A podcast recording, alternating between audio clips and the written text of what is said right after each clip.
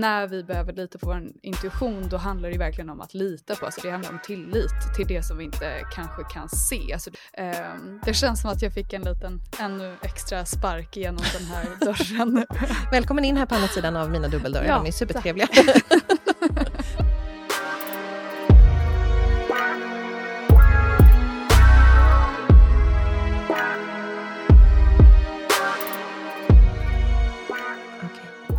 Nu är vi igång. Okay.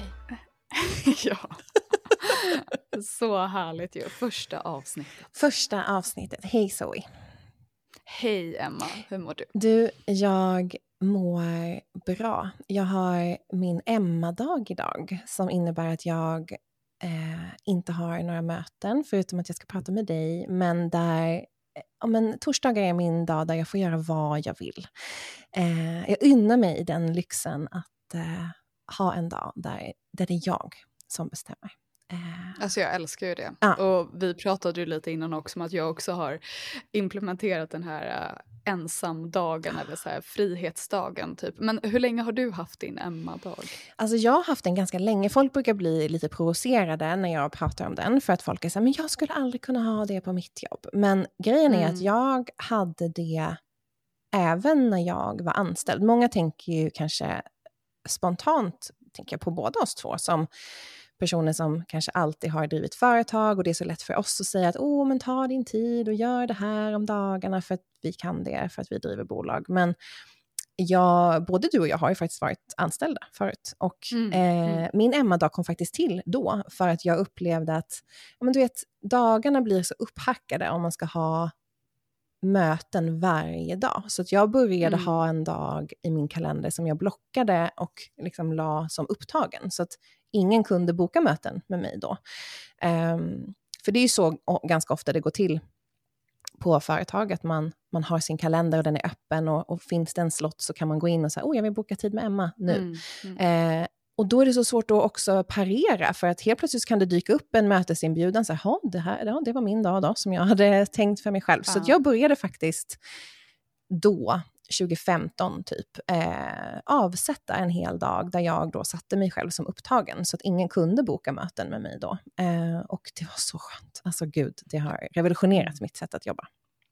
Men hur var liksom reaktionerna på det? För jag, jag tänker att så här, just när det kommer till möten, alltså det kanske var en av de sakerna som jag tyckte var absolut värst med att vara anställd, för att det var så otroligt mycket möten hela tiden mm. och också så här, Eh, sen så det skiljer sig såklart på grund, liksom, beroende på vilken bransch du är i, men eh, inom liksom, marknadsföring och kommunikation i alla fall så kändes det som att man skulle ha liksom, möten kring precis ja, allting exakt. och att det skulle dra ut så långt på tiden. Mm. Så att om du då blockerade din kalender, vad var reaktionen på det? är jag nyfiken på. Jag tror att de, de första spontana reaktionerna var nog att folk tyckte att det var lite konstigt. Så här, varför ska hon mm. helt plötsligt bestämma att hon ska ha en mötesfri dag när jag måste ha möten alla andra dagar? Typ. Um, mm. Men när jag förklarade just den här känslan, alltså, det finns ju jättemycket forskning som visar på hur dålig eller dåligt vårt attention span har blivit. Att vi, så, vi får så otroligt mycket störningsmoment i vår vardag eh, under vår arbetsdag. Alltså antalet notiser som kommer in på vår telefon varje timme, det är ju bisarra siffror. Och när man då sitter, som både du och jag kommer från liksom den här kreativa branschen, där det förväntas av oss att vi ska hitta på kreativa saker, vi ska skriva, man ska, man ska vara i den här inspirerande energin. Den är ju jättesvår att vara i om, om också dagen är uppstyckad i en, två möten på förmiddagen, ett på eftermiddagen. När, när får man tid att verkligen sitta ner och vara i den energin? Eh, mm. Så att när jag förklarade det för mina kollegor så var det många som sa, ja ah, men jag, jag fattar det. Och för mig så handlar det också mycket om eh, att möta möten, det blir en sån stress när jag går hem dagen innan och tittar i min kalender och säger gud, jag har de här mötena imorgon. Alltså, då kan jag nästan i huvudet bygga upp en stress. Aha, nej, då hinner jag inte göra det där, nej, men då kan jag inte göra detta. Och så blir det så otroligt begränsande istället för att så här, kunna titta i kalendern och känna wow, imorgon är det torsdag, jag får göra vad jag vill. Woho! Eh, och det har ju blivit ett, som ett vattenhål för mig. Att jag kan vara jättemycket i min liksom, doer-energi och känna att jag kan göra det för att jag vet att på torsdag så kan jag landa. Eh, mm. Så det var jätte jättetydligt när jag då förklarade just det för mina kollegor, att men jag, jag behöver det här för att kunna vara den idésprutan som ni har anställt mig att vara. Eh, och det var många som implementerade egna små dagar, kanske inte hela dagar, men så halvdagar var det många som, som inspirerades av att införa i sina kalendrar. Mm, exakt, och jag tror ju att vi till och med blir mer produktiva av att ha en sån dag. För att om man går till sig själv, att när man inte har några krav på sig så ökar ju oftast den här kreativiteten eller känslan av att men nu vill jag, om man, om man driver eget, ladda upp eller ringa några samtal eller höra av mig till någon som kommer liksom ta mig någonstans kanske. Alltså att den, den liksom viljan och motivationen verkar ju öka när vi inte har det här pressen mm. och kraven att vi ska sitta i så ett mötesrum och nu ska vi vara kreativa och nu har vi en, en vision board och liksom allting ska upp på det under den här timmen. Eh, det blir väldigt snävt så. Mm. Verkligen. Och jag, jag tror att alla hade mått bra av att ha, alltså som sagt, det behöver inte vara en hel dag om man upplever att det är svårt att, att blocka av det i sin kalender, men att, att ha en halvdag och kanske ha två halvdagar då, en förmiddag och en eftermiddag någon gång under veckan, för att bara känna att men det behöver inte vara att man ska sitta och leta inspiration, eller det kan ju vara att man säger, men jag måste sitta och göra de här uppgifterna ostört. Eh, mm. Och att våga säga det och våga vara tydlig för sig själv och också för andra. Att säga, men det här är min tid att göra detta och jag behöver sitta ostörd. Eh, mm. För som du säger, det kommer ju ta århundraden längre tid om vi ska göra det och samtidigt bli störda och eh, hopp, gå mellan möten. Och det spelar ingen roll hur korta mötena är, det är ju ändå, det är, det är aldrig man kommer från ett möte och säger oh, jag har ingenting att göra efter det här mötet, eh, utan då har man ju alltid åtta andra uppgifter som har kom, tillkommit på grund av mötet som man ska göra. Och eh, det blir bara ytterligare en, en, eh, en stress. Så att få, få skapa mm. det där spacet för sig själv tänker jag är jätteviktigt. Exakt, det är superviktigt och det är också så att påminna sig själv om att det är just oftast när man går ut och typ tar den där promenaden eller man går ut och träffar en vän och tar en lunch, alltså det är oftast då som du kanske kommer till de här idéerna istället för att du sätter dig ner och så här aktivt så här, nu måste jag komma på den här Exakt. briljanta lösningen. Mm. Typ, är, då blir det ju oftast en så undermedveten blockering. Mm. Så. Mm, men vi befinner oss i de här processerna ganska så ofta. Jag tänker att vi kan gå in lite kanske på ett litet intro ja. för, för de som inte vet vad, varför vi har Hallå. våra Emma Zoe-dagar. Exakt. Jag tänker att eh, du kan väl börja Zoe och berätta om... Eh, vi sa ju att vi kanske idag skulle prata lite mer om vilka vi är, var vi kommer ifrån, vad vi gör. Bara så att ni också som lyssnar får en större förståelse för, som du säger, vilka vi är, varför vi har, pratar om våra Emma och Zoe-dagar och eh, bara få bjuda in er lite mer i våra liv. Exakt. Och, men precis som du nämnde innan så har ju vi båda jobbat som anställda innan. Eh, jag har jobbat som sagt inom marketing och eh, kommunikation. Och eh, precis som du, som vi pratade om lite i det här intro introavsnittet, så har det hela tiden funnits den här ja, men frustrationen slash längtan kanske samman, eh, sammanblandat i att, att få vara egen. Men det har varit väldigt så här, frihetssökande mm. och en känsla av att så här, det måste finnas någonting mer, det måste finnas någonting som känns mer autentiskt rätt. Mm. Och eh, till en början så var ju det väldigt mycket för mig inriktat på liksom manifestation, spiritualitet. Det var en värld som öppnade upp sig jättemycket för mig eh, under alltså egentligen långt tillbaka, men 2016 så, så var det som att det verkligen tog fart. Eh, och eh, några år framåt och när jag befann mig i den här liksom, ja, men, världen av verkligen så här, LinkedIn, kommunikationsbranschen, eh, alltså hela den som, som blir som en så här, bubbla där det känns mm. som att så här, det här är liksom karriärstegen eller vad man ska säga. Mm. Det är det enda som inte det enda som betyder någonting, men det, det blir så allvarligt på något mm. sätt. Och eh, så vet jag att ett avgörande moment var att jag, så här, men jag parerade ju det här lite, jag gjorde ju exempelvis tarot som jag lägger mycket fortfarande. Eh, jag gjorde det på liksom ett, ett jobb där som jag jobbade på byrå. Så var det en så manlig kollega som bara, ah, du kanske bara ska säga upp det och bara pyssla med det här på heltid typ. Alltså väldigt så eh, negativ bemärkelse. Men jag bara, nej men fan. Gud, vilken bra idé. Du, där sa du något. så sen blev det ju så mm. också mm. att jag, så här, jag väl, valde att starta, Teija heter ju mitt bolag då, eh, men eh, Spiri Spiri på, på Instagram. Eh, och eh, fokuserade mycket på att liksom prata om de här delarna som har känts väldigt så nära hjärtat för mig, eh, det vill säga ja, manifestation, spiritualitet, alltså självutveckling, eh, hur man kan använda sina tankar, sitt mindset för att också både skapa den världen som man vill leva i, men att också så förstå sig själv, förstå andra bättre, för att ofta så tror jag att det handlar om att man bara, precis som så LinkedIn, eh, delen av ens liv. att, så här, att man kanske bara gör en massa saker per automatik för att andra gör det eller för att det har liksom normaliserats på något sätt. Um, och inte kanske går in och funderar så mycket över så här, men är det här rätt för mig? Mm. Typ. Um, så jag började prata mycket om det, började um, kombinera det med tarot, sen också coaching uh, och sen så har det liksom ja, men det har lett fram till den punkten där vi är idag. Mm. Eh, där vi sitter här och har en härlig podd som också kommer handla mycket om just de här frågorna, alltså highs and lows, personlig utveckling, eh, men också hur man kan våga mer, kasta sig ut, göra det här som känns kanske läskigt men som känns rätt. Eh, för det, det har ju du och jag pratat om mycket, att det är ju helt avgörande för att också ja, men, känna att man någonstans tar action i, i rätt riktning. Mm. Verkligen. Men har spiritualitet alltid legat dig liksom nära till hands? Har det varit någonting som har varit, varit, kommit väldigt naturligt för dig eller vad är din resa inom det? Ja, alltså väldigt naturligt eh, skulle jag säga.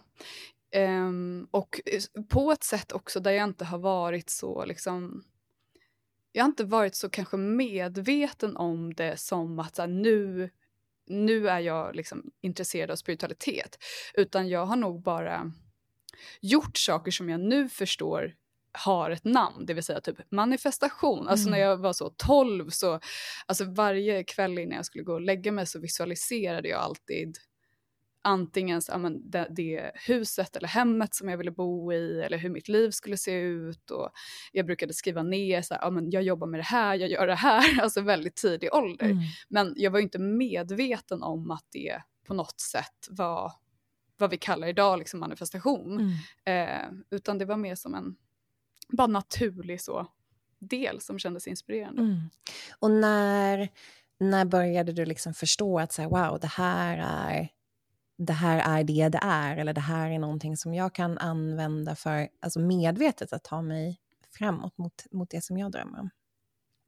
Alltså det har kommit lite som i typ successivt har det ju utvecklats, alltså en dörr öppnar en annan dörr mm. någonstans. Mm. Och ju mer jag har intresserat mig, alltså först kanske det började med att man började läsa någon bok, typ Joe Dispenza mm. älskar jag ju och så. Eh, och sen så leder det till någonting nytt och det blir så tydligare och tydligare just den här också mergen mellan vetenskapen och kanske då mer det subjektiva, det spirituella. Eh, hur de världarna får mötas och, och absolut det finns en massa olika så verktyg exempelvis för manifestation eller som jag också tänker att tarot är så ett verktyg för att kanske förstå sig själv bättre. Mm. Men i grund och botten så handlar det ju bara om ens men självinsikt, alltså acceptansen, att, att förstå liksom, okay, men varför gör jag på det sättet som jag gör. Mm. Um, och kanske intresset av just det också. Mm. Kan inte du berätta någonting i ditt liv som du har manifesterat in där du har känt så här, wow, kolla på det här? Ja. ja, alltså det har ju varit mycket så ekonomiska mål som eh, som till en början för några år sedan kändes just där som att så nu sitter jag och leker typ när man skriver ner saker men som idag känns eh, men, så här, men självklart, och så är det ju med manifestation, att saker och ting kan ju kännas väldigt eh, stora när vi liksom skriver ner det, men sen när det väl kommer in i ens liv så känns det ju så himla normalt mm. på något sätt. Alltså samma sak med liksom det som jag jobbar med idag överlag, den, hela den helheten. Eh, det kändes också som att, men gud, hur skulle det gå till typ? Mm. Men sen när jag läser de här manifestationerna då så kan jag vara så här, okej, okay. det, det, är ju verkligen det som har hänt. Mm. Um, men, Men ja, alltså det är, alltså det är många sådana här små saker. Jag och min kille pratade om det för några dagar sedan bara att så här, vi har alltid gått, vi bor ju i Hornstull eh, på Södermalm i Stockholm och eh, så har vi alltid gått nere vid Långholmen och tittat på de här, så här träbåtarna mm. som ligger där nere. Och bara shit vad det hade varit nice, vi har pratat om det, bara tänk att ha en sån här båt och ja, men alla de delarna. Mm. Sen helt plötsligt så sitter en kollega till honom och eh, ja, men pratar om sin båtplats där nere, precis där vi har gått förbi, mm. och om den här träbåten som hon då vill bli av med jättesnabbt. Eh, och att det finns en liksom så här, alltså vi bara tittar på varandra och så här, det kan ju inte vara någonting annat nu.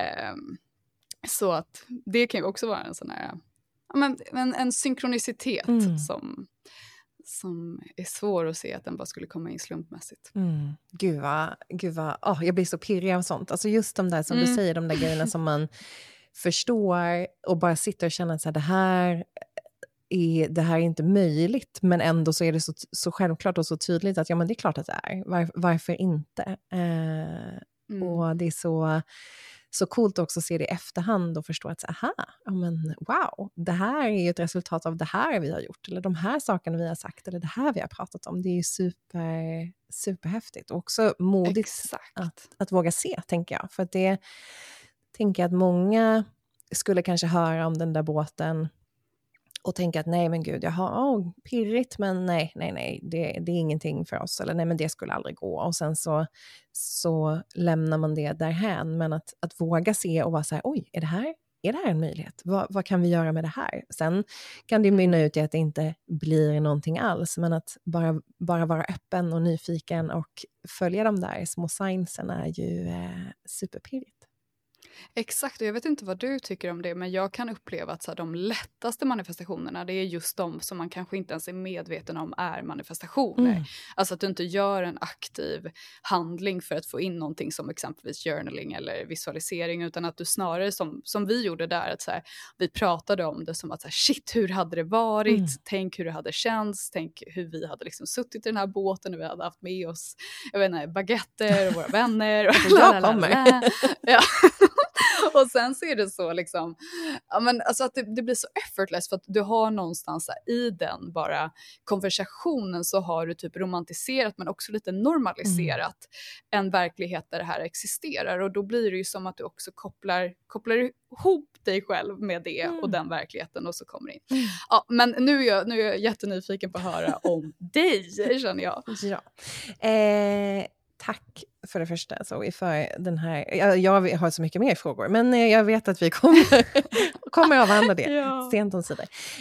Um, jag heter ju då Emma och eh, precis som du också är inne på så kommer jag också ifrån ja, marknadsförings eh, en marknadsföringsbakgrund. Jag är också programmerare, vilket folk blir så här, what?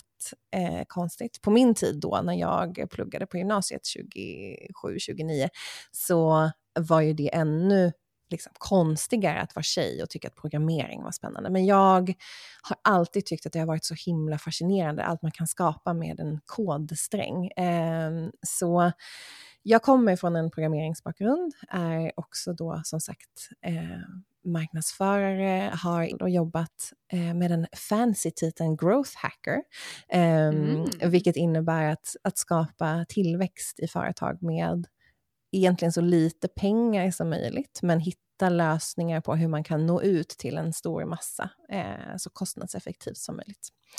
Och det är det som jag har gjort senast. Och sen så eh, har jag ju också två stycken barn och det var 2018 när Love föddes som jag fick den där känslan, lite som du också beskrev, att men är det här allt? Är det, är det verkligen det här mitt liv ska vara? Eh, så när Love kom så blev det det här, för alla er som har varit mammalediga så tror jag att ni känner igen er i den här känslan av att det blir det naturliga avbrottet. Och för mig så såg jag det verkligen som en inbjudan att att ta tiden att fundera på så, men vad är det jag egentligen vill göra.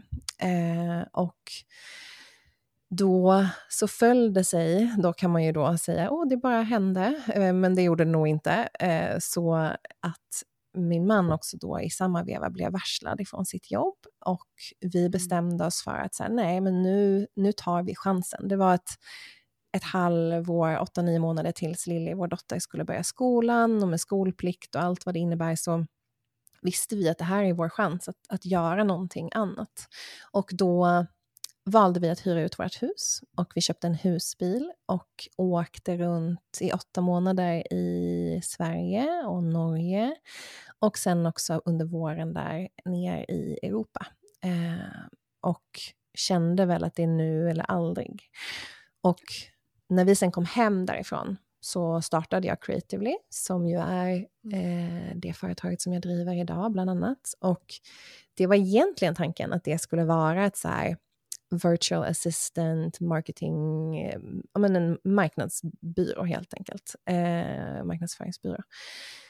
Och jag började på det spåret och ganska snabbt kände jag att nej, nej, nej, nej, det är inte det här. Nu är vi bekväma, välkommen hit, men det är inte det här vi ska vara i. Eh, och då var det en coachutbildning som hade jagat mig, alltså skämtar inte, utan de, de hade med annonser, jag vet ju hur det funkar så det var inte förvånande, men det kändes som att de dök upp överallt. Och jag var så okej okay, men nu mm. måste jag gå in och titta vad det är. Jag hade ändå tittat ganska mycket på, på coachutbildningar och tyckt att ja, men vad spännande, jag har läst psykologi på universitetet så jag har ändå varit liksom i, den, i den svängen med beteendevetenskap och tycker att det är väldigt spännande med människor och, och att få jobba med människor. Men aldrig riktigt tänkt att det skulle vara någonting för mig. Men när jag då började läsa om den här utbildningen så kände jag bara, ja men det är det här jag ska göra. Det är klart att det är det här jag ska göra. Eh, mm. Och på den vägen är det. Så ganska snabbt efter att jag då hade startat Creatively och insett att nej men jag ska inte jobba med att vara eh, virtual assistant, så började hela coachingbiten snurra ganska fort. Eh, så från att jag inte haft några kunder alls till att ändå ha kunder så att jag kunde driva runt företaget så, så var det bara så givet. Och jag tänker att det är så det, ja, men lite som vi är inne på också, att när det väl är lätt Alltså det är inte alltid lätt, det vet vi, det är en jättedum grej att säga egentligen, men, men det snurrar ju på ganska snabbt och ganska, det är inte, det är inte särskilt kämpigt även om det är eh, tufft och utmanande rent så här rädslomässigt. Men, men det är som att det, dörrarna öppnas ju enkelt, och, men sen att kliva in i de där dörrarna är ju den svåra biten. Eh, och så har jag verkligen upplevt att det har varit, att det, dörren har stått där och varit så här, hello, det är hitåt du ska, men sen att mm. ha klivit in är det som har varit det mest utmanande för mig. Mm, och, och liksom, för jag blir så inspirerad av den här historien. Jag tycker det låter som ett så filmmanus med husbilen mm. och allting. Men alltså, kände du någonsin rädsla under de här momenten? Typ som när du sa upp dig eller när du valde att säga okej okay, jag gör någonting som jag kanske inte känner mig helt bekväm med, mm. men som ändå känns rätt. Alltså, hur, hur aktiv har rädslan varit i dig, tror du? Ja, men, den har varit jättenärvarande, samtidigt som jag... Alltså, jag har haft några ganska avgörande stunder i mitt liv där jag har, alltså min intuition är superstark, alltså jättestark. Mm. Eh, jag har haft tillfällen där den har varit så klockren så att jag har blivit rädd för den och där jag också har valt att aktivt inte alltså både medvetet och omedvetet, inte lyssna på den för att jag har varit rädd att bli lämnad eller vara ensam. Alltså, du vet, kan, kan, du inte berätta om, om de gångerna när den har varit så on point? Jo, men jag hade den situationen när jag vet så här efterhand att jag att det där var min intuition var eh, innan jag träffade min fantastiska man så hade jag en, en pojkvän på gymnasiet som, ja, men du vet, de här rädslorna som man kan kan tycka att man som tjej har att åh gud, han pratar med någon annan eller åh, någonting händer. Eh, och som man ibland som kanske tjejkompis eller kan vifta bort ganska mycket för att man, nej men sluta larva dig, du vet ju att det inte är så. Men den här killen var verkligen så. Så alla mina worst case scenarion var och blev sanna. Alltså, jag, jag, kunde ringa honom på morgonen och fråga så åh hej, har du sovit gott? Och han sa, ja nej men jag satt uppe till fem och pratade med den här tjejen i telefon och jag var så här, ja okej det är lite konstigt. Um, mm. och han var någon gång, de hade, jag gick media på gymnasiet och, och som sagt pluggade eh, då programmering. Eh, då när eh, han då hade en fotosession i skolan så satt jag med mina tjejkompisar i vår korridor och jag var så här, gud jag har en jättedålig magkänsla om det här. Det här känns liksom mm. inget bra. Eh, jag är säker på att det är någonting som pågår där nere, för det var han och, en, och två andra tjejer. Och så var mina tjejkompisar, nej men gud, det är ingen fara, du kan ju lita på honom, det vet du ju. Och jag, men jag kände så tydligt att det är någonting som inte stämmer. Och så kom han upp från fotostudion, har eh, ett par byxor på sig och en så stor fluffig liksom, täckjacka. Eh, och så knäpper jag upp den och då har han ingenting under, utan han är liksom barbröstad. Och då visar det sig att han då, och de här två tjejerna har liksom fotat typ lättklädda bilder på varandra och en av tjejerna har inte haft någon tröja på sig och ingen bh när de har tagit de här bilderna. Mm. Och i efterhand så är det så tydligt att så här, det här var ju min intuition som skrek på mig att så här, spring ifrån den här relationen, det här är inte bra för dig. Men jag var så rädd att ja, men de här klassiska, du kommer aldrig bli älskad av någon annan, ingen tycker om dig, ingen ser dig som han gör, du kommer vara ensam för alltid. Det där är ju superstarka rädslor som jag har haft med mig mm. genom hela livet. Och det gjorde att jag valde att vara kvar med honom, för att han såg ju mig och han älskade mig inom eh, hans eh, gränser, eller vad man ska säga. Eh, och det var tryggare för mig att vara i det än att vara själv. Eh, mm. Och där kan jag ju se i efterhand att det var också då jag stängde av min intuition. Alltså för den gav ju mig information som jag inte ville ha. Alltså den, den, den pushade ju mig i riktningar som jag inte ville gå i. Och då var det jättemycket lättare att bara stänga av och vara så nej men det där tänker inte jag lyssna på. Eh, på samma sätt som jag stänger av den här kritiska rösten och egot idag och är så nej men hallå, mm. du har ingenting här att göra, gjorde jag ju med min intuition då. För att jag ville inte höra det där. Jag ville inte veta det han höll på med. Jag ville ju bara vara i min trygga bubbla och tro att vi hade det så himla bra. Eh, vilket vi inte hade. Och det arbetet för mig, när jag började jobba med att lyssna på min intuition, som var typ i samband med att jag startade Creatively, har ju varit jättetufft. För det har ju inte varit en trygg röst för mig, utan den har ju alltid kommit och utmanat, alltid kommit och pushat mig. Och nu vet ju jag att det är för att den pushar mig åt rätt håll, men då trodde jag ju att det var åt fel håll. Så det har varit en jättestor utmaning att, att gå från det till att nu kunna sitta och säga att jag lyssnar 100% på vad min intuition säger. Um, det har varit jättetufft. Just och jag tror ju att det, det är ju, alltså det här är ju så vanligt. Jag tror att vi, de allra flesta känner ju någonstans, men känner sin intuition på något sätt. Mm. Alltså det är ju någonting som är inbyggt i oss, det är ju vår instinkt. Men sen att lyssna på den, att lita på den, mm. det är ju någonting helt annat. Mm. Och som du beskriver i den här relationen, att det är så starkt, det är så tydligt för dig. Och då, då tänker jag också, vad var liksom vändpunkten? När, när valde du att lyssna?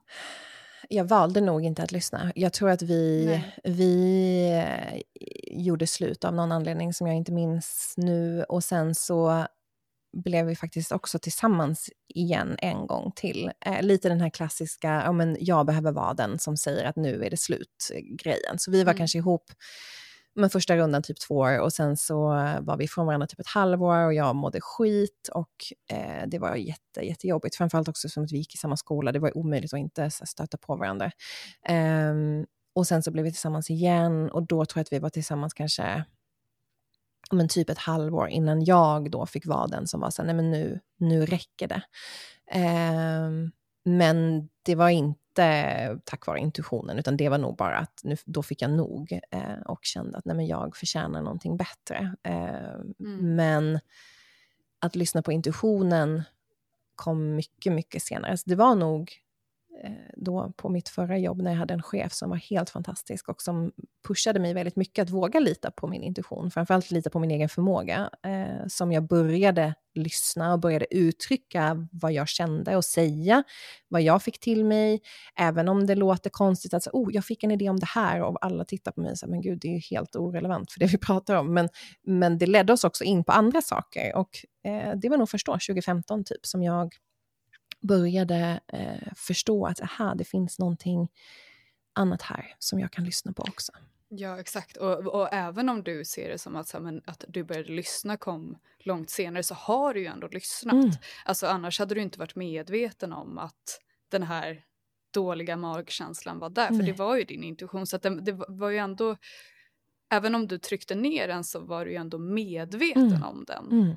Ehm, och det är ju det som är så fint, för det här ser jag ju jätteofta, alltså speciellt i liksom jobbet med mina klienter, att så här, de vet ju, de har ju svaren Mm. själva. Exakt. Ehm, och det är just den här, liksom, när vi behöver lita på vår intuition, då handlar det ju verkligen om att lita på, alltså det handlar om tillit Mm. till det som vi inte kanske kan se. Mm. Alltså du hade ju inte något direkt bevis för vad som pågick i den där fotostudion. Eh, men det var ju ändå den här känslan som fick, fick leda dig Mm. där. Och jag tänker liksom om vi, om vi kopplar till idag, har du någon sån känsla, någon intuition nu för en väg eller för ett, en förändring som du vill göra men som du inte riktigt kan, alltså riktigt kan greppa ännu? Alltså grejen där, och jag vet inte hur du känner, när man, när man har jobbat med det här så mycket som, som vi ändå gör, vi jobbar med människor, vi coachar och vi vägleder, så upplever jag att jag är så sjukt smärtsamt medveten om vad jag behöver göra. Alltså jag hör ju min intuition så Mm. tydligt. Mm. Och jag vet precis vad det är jag, alltså vart det är jag ska, vad det är jag behöver göra. Alltså dörren står, literally, det är liksom dubbeldörrar som står vidöppna. Det är inte liksom en liten springa, utan det är så här, välkommen och kliv in här. Men jag är så jäkla rädd. Alltså det är så mycket blockeringar, både fysiskt i kroppen, alltså varje gång eh, jag gör någonting så men, lovar att jag blir superförkyld eller någonting händer så att jag inte kan eller Mm. jag, någonting, alltså, och också mentalt. Alltså det är så mycket blockeringar som, som mentalt står i vägen för att jag ska kunna kliva in genom de där dörrarna. Så egentligen så har jag inte jättemycket som, som är så här, gud jag vet inte hur, hur det här ska gå till, jag vet inte hur, alltså den här tilliten på något sätt jag känner ju den väldigt ofta, att så här, men jag vet att jag kommer fixa det, eller jag vet att det kommer, det kommer bli bra, jag känner mig lugn i kroppen, men när det handlar om just den här knuffen åt de här hållen som jag vet att det är, det är hitåt jag ska, det är där jag vill kliva in, um, så är jag så jäkla rädd. Vill du berätta vad som finns liksom bakom de här öppna dörrarna? Ja, men mycket handlar om att jag nu står inför en ganska stor förändring. Jag har jobbat hemma sen, sen 2018 eller 2019 då när vi kom hem Mm. och har tyckt att det har varit ganska tryggt att tuffa på i min lilla bubbla. Eh, jag har haft mina kunder, företaget har, har liksom gått bra, det har, det har gått eh, ja, men bra. Men det har ju kommit till en punkt nu där vi precis här i, i december lanserade en, en app, en meditation och mindfulness-app som, eh, som nu har öppnat de här dubbeldörrarna för mig, där jag verkligen har blivit så här inbjuden till att kliva in i den versionen av mig som väntar där på andra sidan, som handlar om att våga visa mig som en entreprenör, våga kliva in i ja, men hela startup-världen. Jag blev antagen med då appen Ärlig till en accelerator här i, i stan och där handlar det ju jättemycket om att så här, våga pitcha för investerare, våga berätta om idén, måla med superstora penslar och sälja in visioner och sälja in mig som person. Vem är grundaren för det här bolaget? Varför ska ni tro på mig? Och där, även om jag känner mig trygg i vem jag är, så är ju det här en version av mig som hon har aldrig fått ta plats. Alltså hon har aldrig, jag har varit i min liksom supertrygga mjukiskläder hemma, eh, bubbla och aldrig behövt bli sedd eller visa mig på det sättet. Jag har ju, tänker jag att man också kan se på Creatively's Instagram, man ser inte mig. Alltså, det är ingen som har en aning om vem jag är som driver det här kontot. Och det är ju en skyddsmekanism för att jag inte velat bli sedd, för att jag tänker kanske att ingen vill höra vad det är jag har att säga, och då är det lättare att säga det bakom ett faceless Instagram-konto. Um, och den dubbeldörren som står öppen där nu, som ber mig att så här, Emma, kliv in i den här energin, våga visa dig själv, våga ta på dig den här big ass energin och kliva in i den, den är skitläskig. Just det, för där, där, har ju vi, där gör ju vi lite samma resa mm. ändå. Eh, just eftersom när det kommer till det här att här, visa sig på Instagram, att lägga upp, alltså där är jag ju också väldigt, väldigt sparsam. Mm. Eh, lite av samma, samma liksom anledning skulle jag nog se det som också. Eh, och alltså när jag hör det så här utifrån så hör jag, jag vill ju bara säga så här, men det är väl klart som fan att du kommer kunna, liksom, du kommer göra ett amazing mm. jobb när du kliver in i det här mer då fysiska och står där på den här fysiska scenen. Mm. Men samtidigt så kan jag också så starkt relatera till känslan av att det är tryggt, alltså det blir som en trygg liten kokong. Mm. att att liksom dela med sig av det här som man brinner för men att, att inte behöva ta den här mer kanske liksom kliva upp verkligen. Mm. Man känner fotsulorna mot, mot golvet och ställa sig framför den här publiken. Och det krävs ju, alltså, det krävs ju absolut mod att göra det, men det krävs ju också övning. Mm.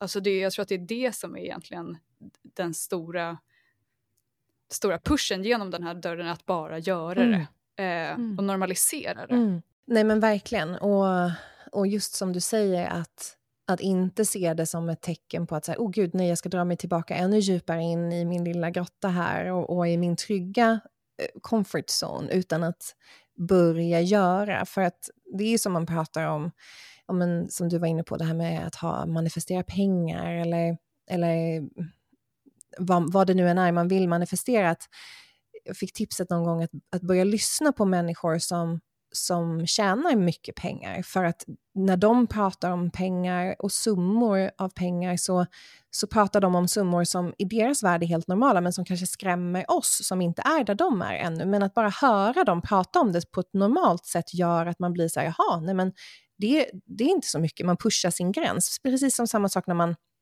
första gången kanske investerar i en coach eller en kurs eller går en så här gruppcoachingprogram att oh, herregud det är så mycket pengar och sen nästa gång man ska göra det så är det så här, ja men det gjorde jag ju innan och man liksom pushar sin egen gräns kring vad som är bekvämt och vad som är normalt och var, var någonstans i vilken sfär man rör sig.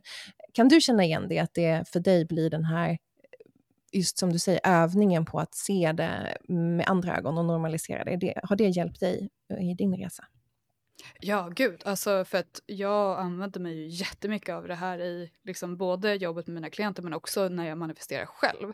Att den största, kanske mest grundläggande delen i manifestation är att plocka ner manifestationen från pedestalen. Mm. För att om vi sätter det som att så här, det, är något, oh, det är så stort det här, det här stora drömmålet. Mm. Alltså det blir ganska så det, det, blir så långt ifrån vart vi är mm. och det finns då en, en, ganska stor skillnad mellan, mellan liksom den platsen vi är på idag och sen vilka vi skulle vara med det här målet. Mm. Men vi behöver ju bli de versionerna av oss själva nu. Mm och, och liksom kanske lite fake it till make it. så, så, nej, men lite ja. så att så här, som du säger, att normalisera det, äh, att, att ha människor runt omkring sig som kanske då är på den platsen eller eh, som pratar om det med en lätthet. Och på samma sätt att så här, om man då går med den här rädslan att så här, visa sig eller ta mer plats, men att, att kanske inte hämta inspiration från från människor som, alltså någonstans kanske då hitta de här människorna som har gjort den resan mm. eller som, som tycker att så men det är väl självklart att du ska göra det där, mm. det är bara att gå upp och göra det och, och tycker att det är, så det, det är ingen biggie mm. någonstans. För då, då kanske man också kan liksom anamma lite den, den synen på det. Nej men verkligen och jag tror att det är så viktigt också att, för det är ju så lätt att dras ner i och dras med i de energierna och tankarna som ligger väldigt nära till hands, som ju är de här, gud jag är rädd eller jag är nervös och så kommer någon annan och så du vet, så blir det så klubben för inbördes, man startar en liten så här, vi är nervösa klubb för, med varandra och så, så, så hjälper man egentligen inte varandra särskilt mycket utan man bara hjälper varandra att vara kvar i den här geggiga energin som, som är svår att ta sig ur för att den är så bekväm. Eh, men att då ha någon som vågar pusha och som vågar så här, ja, fast du kommer fixa det, det kommer gå jättebra. Och det behöver också vara rätt typ av person, för jag vet att om min man Rickard skulle säga till mig att men det kommer gå jättebra, då hade jag varit så här, nej men du vet ju inte vad du pratar om. Eller, det, mm. det behöver komma från någon där man känner att okej, okay, men du, du säger inte bara det här till mig för att du är snäll mot mig, eller för att du tycker om mig, eller för att du är en nära vän, utan du, du säger det för att du, du tror på mig, på riktigt.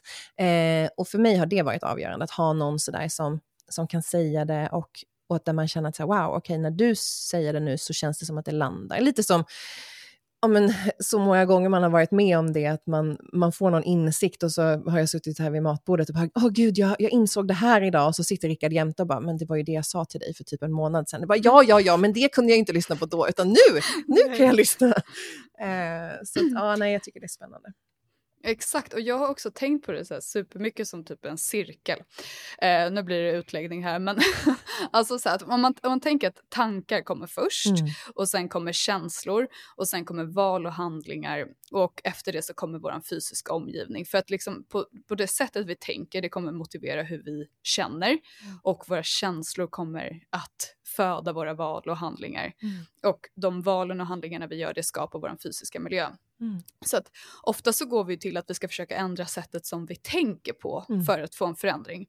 Men jag tänker att man också kan börja liksom i slutet. Alltså att om du börjar förändra din fysiska miljö exempelvis, eh, ja men människorna du umgås med, vart du befinner dig någonstans, om du kan liksom göra skiften där mm. så kan det också vara lättare kanske att tänka på ett annat sätt. Mm. Så att om man har liksom en grupp med människor i sitt liv, man har sex personer som man typ alltid umgås med och alla de någonstans bekräftar en, en tidigare del av en själv som man försöker växa ifrån. Alltså att de då, men Emma, ja du är ju så, eh, du gillar ju inte att synas eller vad det nu mm, än kan mm. vara.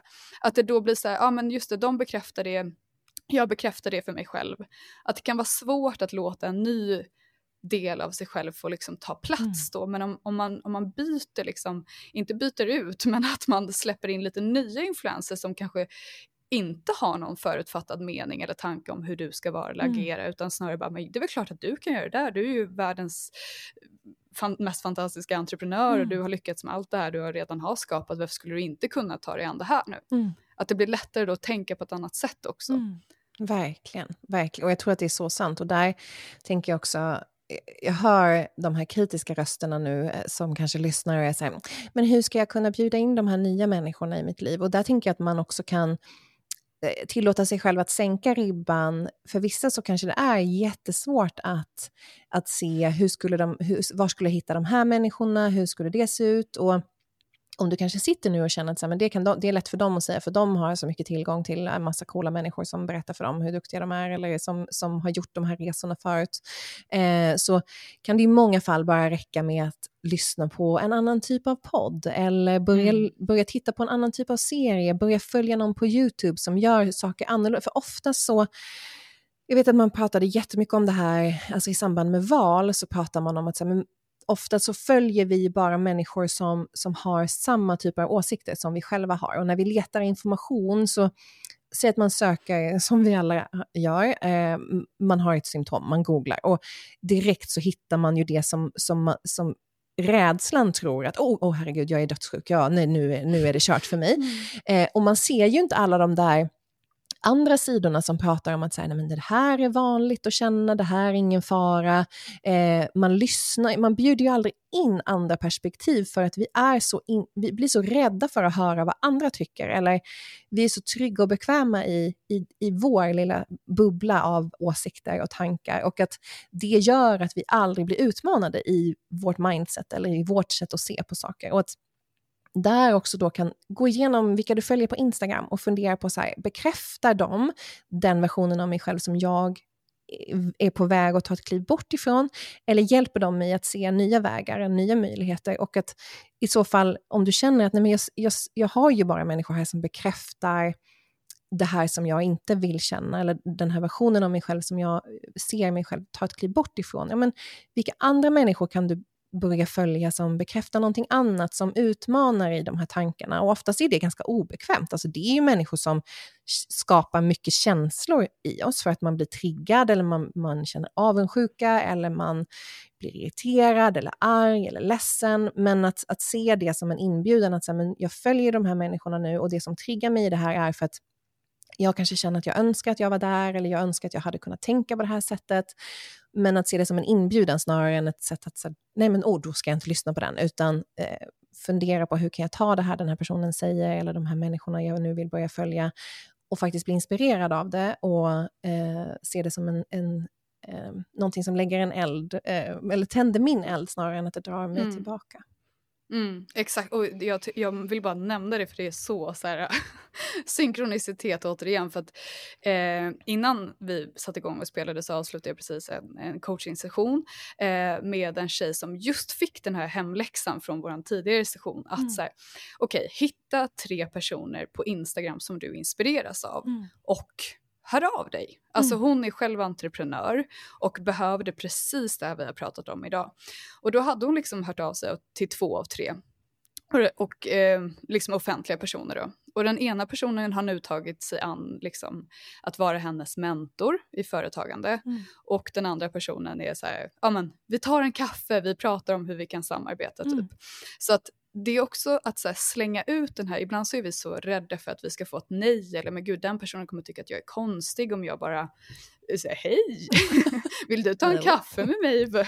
Ja men alltså samtidigt så jag tror att folk blir, alltså kommer någon att skicka ett sånt meddelande eh, till mig, alltså nu kanske jag inte är den som någon skulle vilja ha som mentor men, men ändå att det, alltså så man får hade ju säga. bara, nej men förstår du vad jag menar, att man hade ju bara känt sig så himla flattered. Mm. Alltså, såklart. Mm. Så att jag tänker att det behöver vi bli lite bättre på. Att, att eh, slänga iväg de här äh, meddelanden mm. som kan leda till att vi öppnar upp för just en ny fysisk omgivning mm. eller mer kontakt med människor som vi själva känner att vi är inspirerade av. Ja, men och det var ju det som ledde oss hit, tänker jag. Om inte du hade skrivit till mig och, och sagt gud, jag har tänkt på dig och jag inte också hade gått och tänkt på dig, så mm. hade vi inte vågat höra av oss till varandra så hade ju ingenting av det här blivit av. Och det, jag tycker att det kanske är det finaste av alla bevis på att man ska våga. När man, när man går och tänker att gud, jag önskar att det här skulle jag vilja göra, men håller sig tillbaka och inte vågar, så kan vi väl skicka med den utmaningen till alla som lyssnar, att, att faktiskt våga den här veckan att testa och utmana dig och eh, också så här, vad är det värsta som kan hända? Ja, antagligen att de inte hör av sig eller att, att någonting inte blir som du tänkte dig, men då vet du i alla fall. Det tänker jag är eh, den viktigaste budskapet att ta med sig, att, att våga och utmana sig. Men jag är också jättenyfiken på, Zoe, om du har, har du någonting sådär intuitionmässigt som du känner att här, det är hitåt jag knuffas. Har du några öppna dubbeldörrar eller några som kanske står på glänt och väntar på att du ska våga kliva in i dem?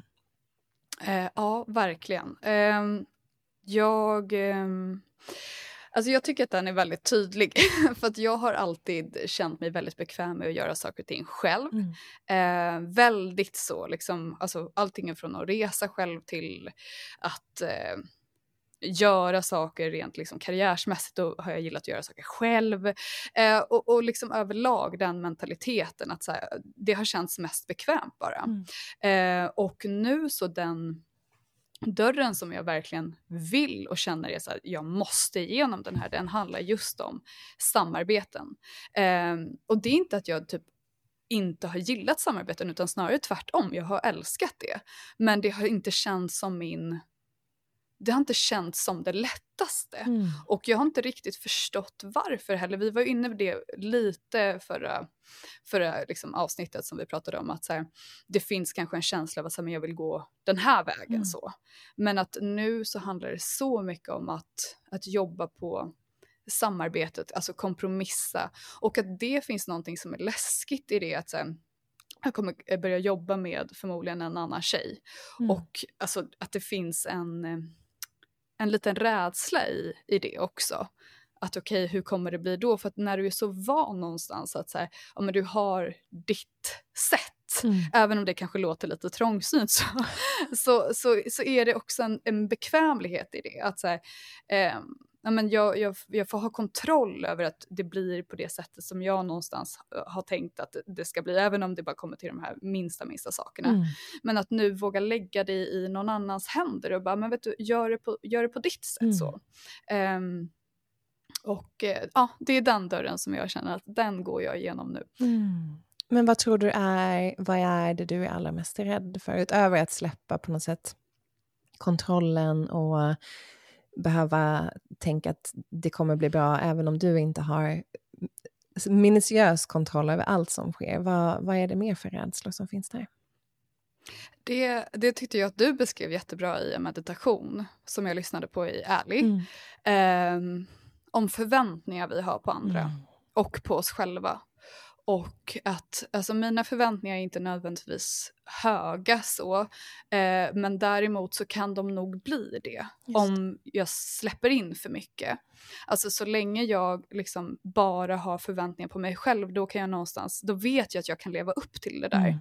Men när jag plötsligt, alltså mitt liv börjar bli mer och mer beroende av hur andra agerar eller reagerar eller beter sig, så då blir ju plötsligt mina förväntningar på olika typer av resultat som, som jag är beroende av, det blir ju så mycket mer baserat på mina förväntningar på andra mm. och då mm. handlar det lite om att så här, både öva på tillit men också att släppa kontrollen. Att så här, mitt sätt är verkligen inte alltid bäst men det kan vara någonting som det är inte det, utan det är snarare bara en känsla av att okej, okay, om jag släpper på det här så kan det gå hur som helst. Mm. och det finns en rädsla i det, tror jag. Mm. Ja, men och den kan jag förstå. Och där tänker jag också att det som, som du också kanske kan lugna dig själv lite i är ju att de människorna som vi faktiskt släpper in, eh, mm. de eftersom att både du och jag är personer som har en väldigt stark, nu bara säger jag det utan att egentligen veta, men jag antar att du har det, en väldigt stark, du är en väldigt stark människokännare och känner av om det är människor som, som du energimässigt vibar med och om det är människor som du känner att men, vi har samma värderingar och vi, vi, vi kommer från samma tankar och vi, vi beter oss på samma sätt, så tänker jag att att lugna dig själv i att du har redan gjort på något sätt någon form av så här quality check på de här personerna som kommer in i din närhet och att du vet att men den här personen skulle göra lika mycket för, om det är ditt företag eller för mig som, som jag gör, eller som vi har pratat här om eh, innan med podden, att ja, men, vi båda vet ju att vi, vi personer som, som tycker att det är viktigt att det känns bra eller att det ser, ser ut på ett visst sätt eller eh, det uppfattas eller tas emot på ett visst sätt, med, om det nu är ljudet eller hur det grafiska ser ut och att lita på den känslan som du hade när du började prata med den här personen som du nu då eh, kanske ska börja jobba med, att du har redan gjort den, den av, du har inte varit helt avstängd och varit såhär, nej men det här blir nog bra, eh, utan att du, du har ju redan gjort en extremt noggrann, både medveten och undermedveten quality check och att kunna luta dig tillbaka på att men jag litar på att den här personen har kommit in i mitt liv av en anledning, eh, det kommer att vara utmanande, men det kommer också att ta både mig och företaget på en annan resa. Mm, exakt. Och, och någonstans så här, jag, jag tänker att i de fallen som med dig exempelvis så, så har det känts väldigt så glasklart. Och det är inte nog inte de riktigt samarbetena eller liksom relationerna utan det är snarare sen när, när du behöver typ våga lita lite mm. mer. Alltså att så här, mm. det här kan absolut bli bra, du har fått en fråga om någonting men att det också kanske finns någonting som, som som dyker upp i mig att så här, gud jag och den här personen är ganska så olika. Eller så här, mm. det här kan säkert bli bra om jag just lär mig att, att omfamna kanske ett annat sätt att mm. göra någonting på. Förstår du vad jag menar mm. där? Att, mm. att, att lite bjuda in också till att så här, vi alla fungerar olika och det kanske till och med är det som kan bli superbra att just när det blir de här kontrasterna mm. um, och att inte bli rädd av det, att så, men gud den här personen fungerar så här eller tänker så här och, mm. och gud hur ska det gå då, liksom, hur ska vi kunna hitta varandra i det här? Mm. Utan att snarare se det som att okej okay, men då kommer jag lära mig någonting uh, eftersom det är väldigt olikt mitt naturliga sätt. Mm.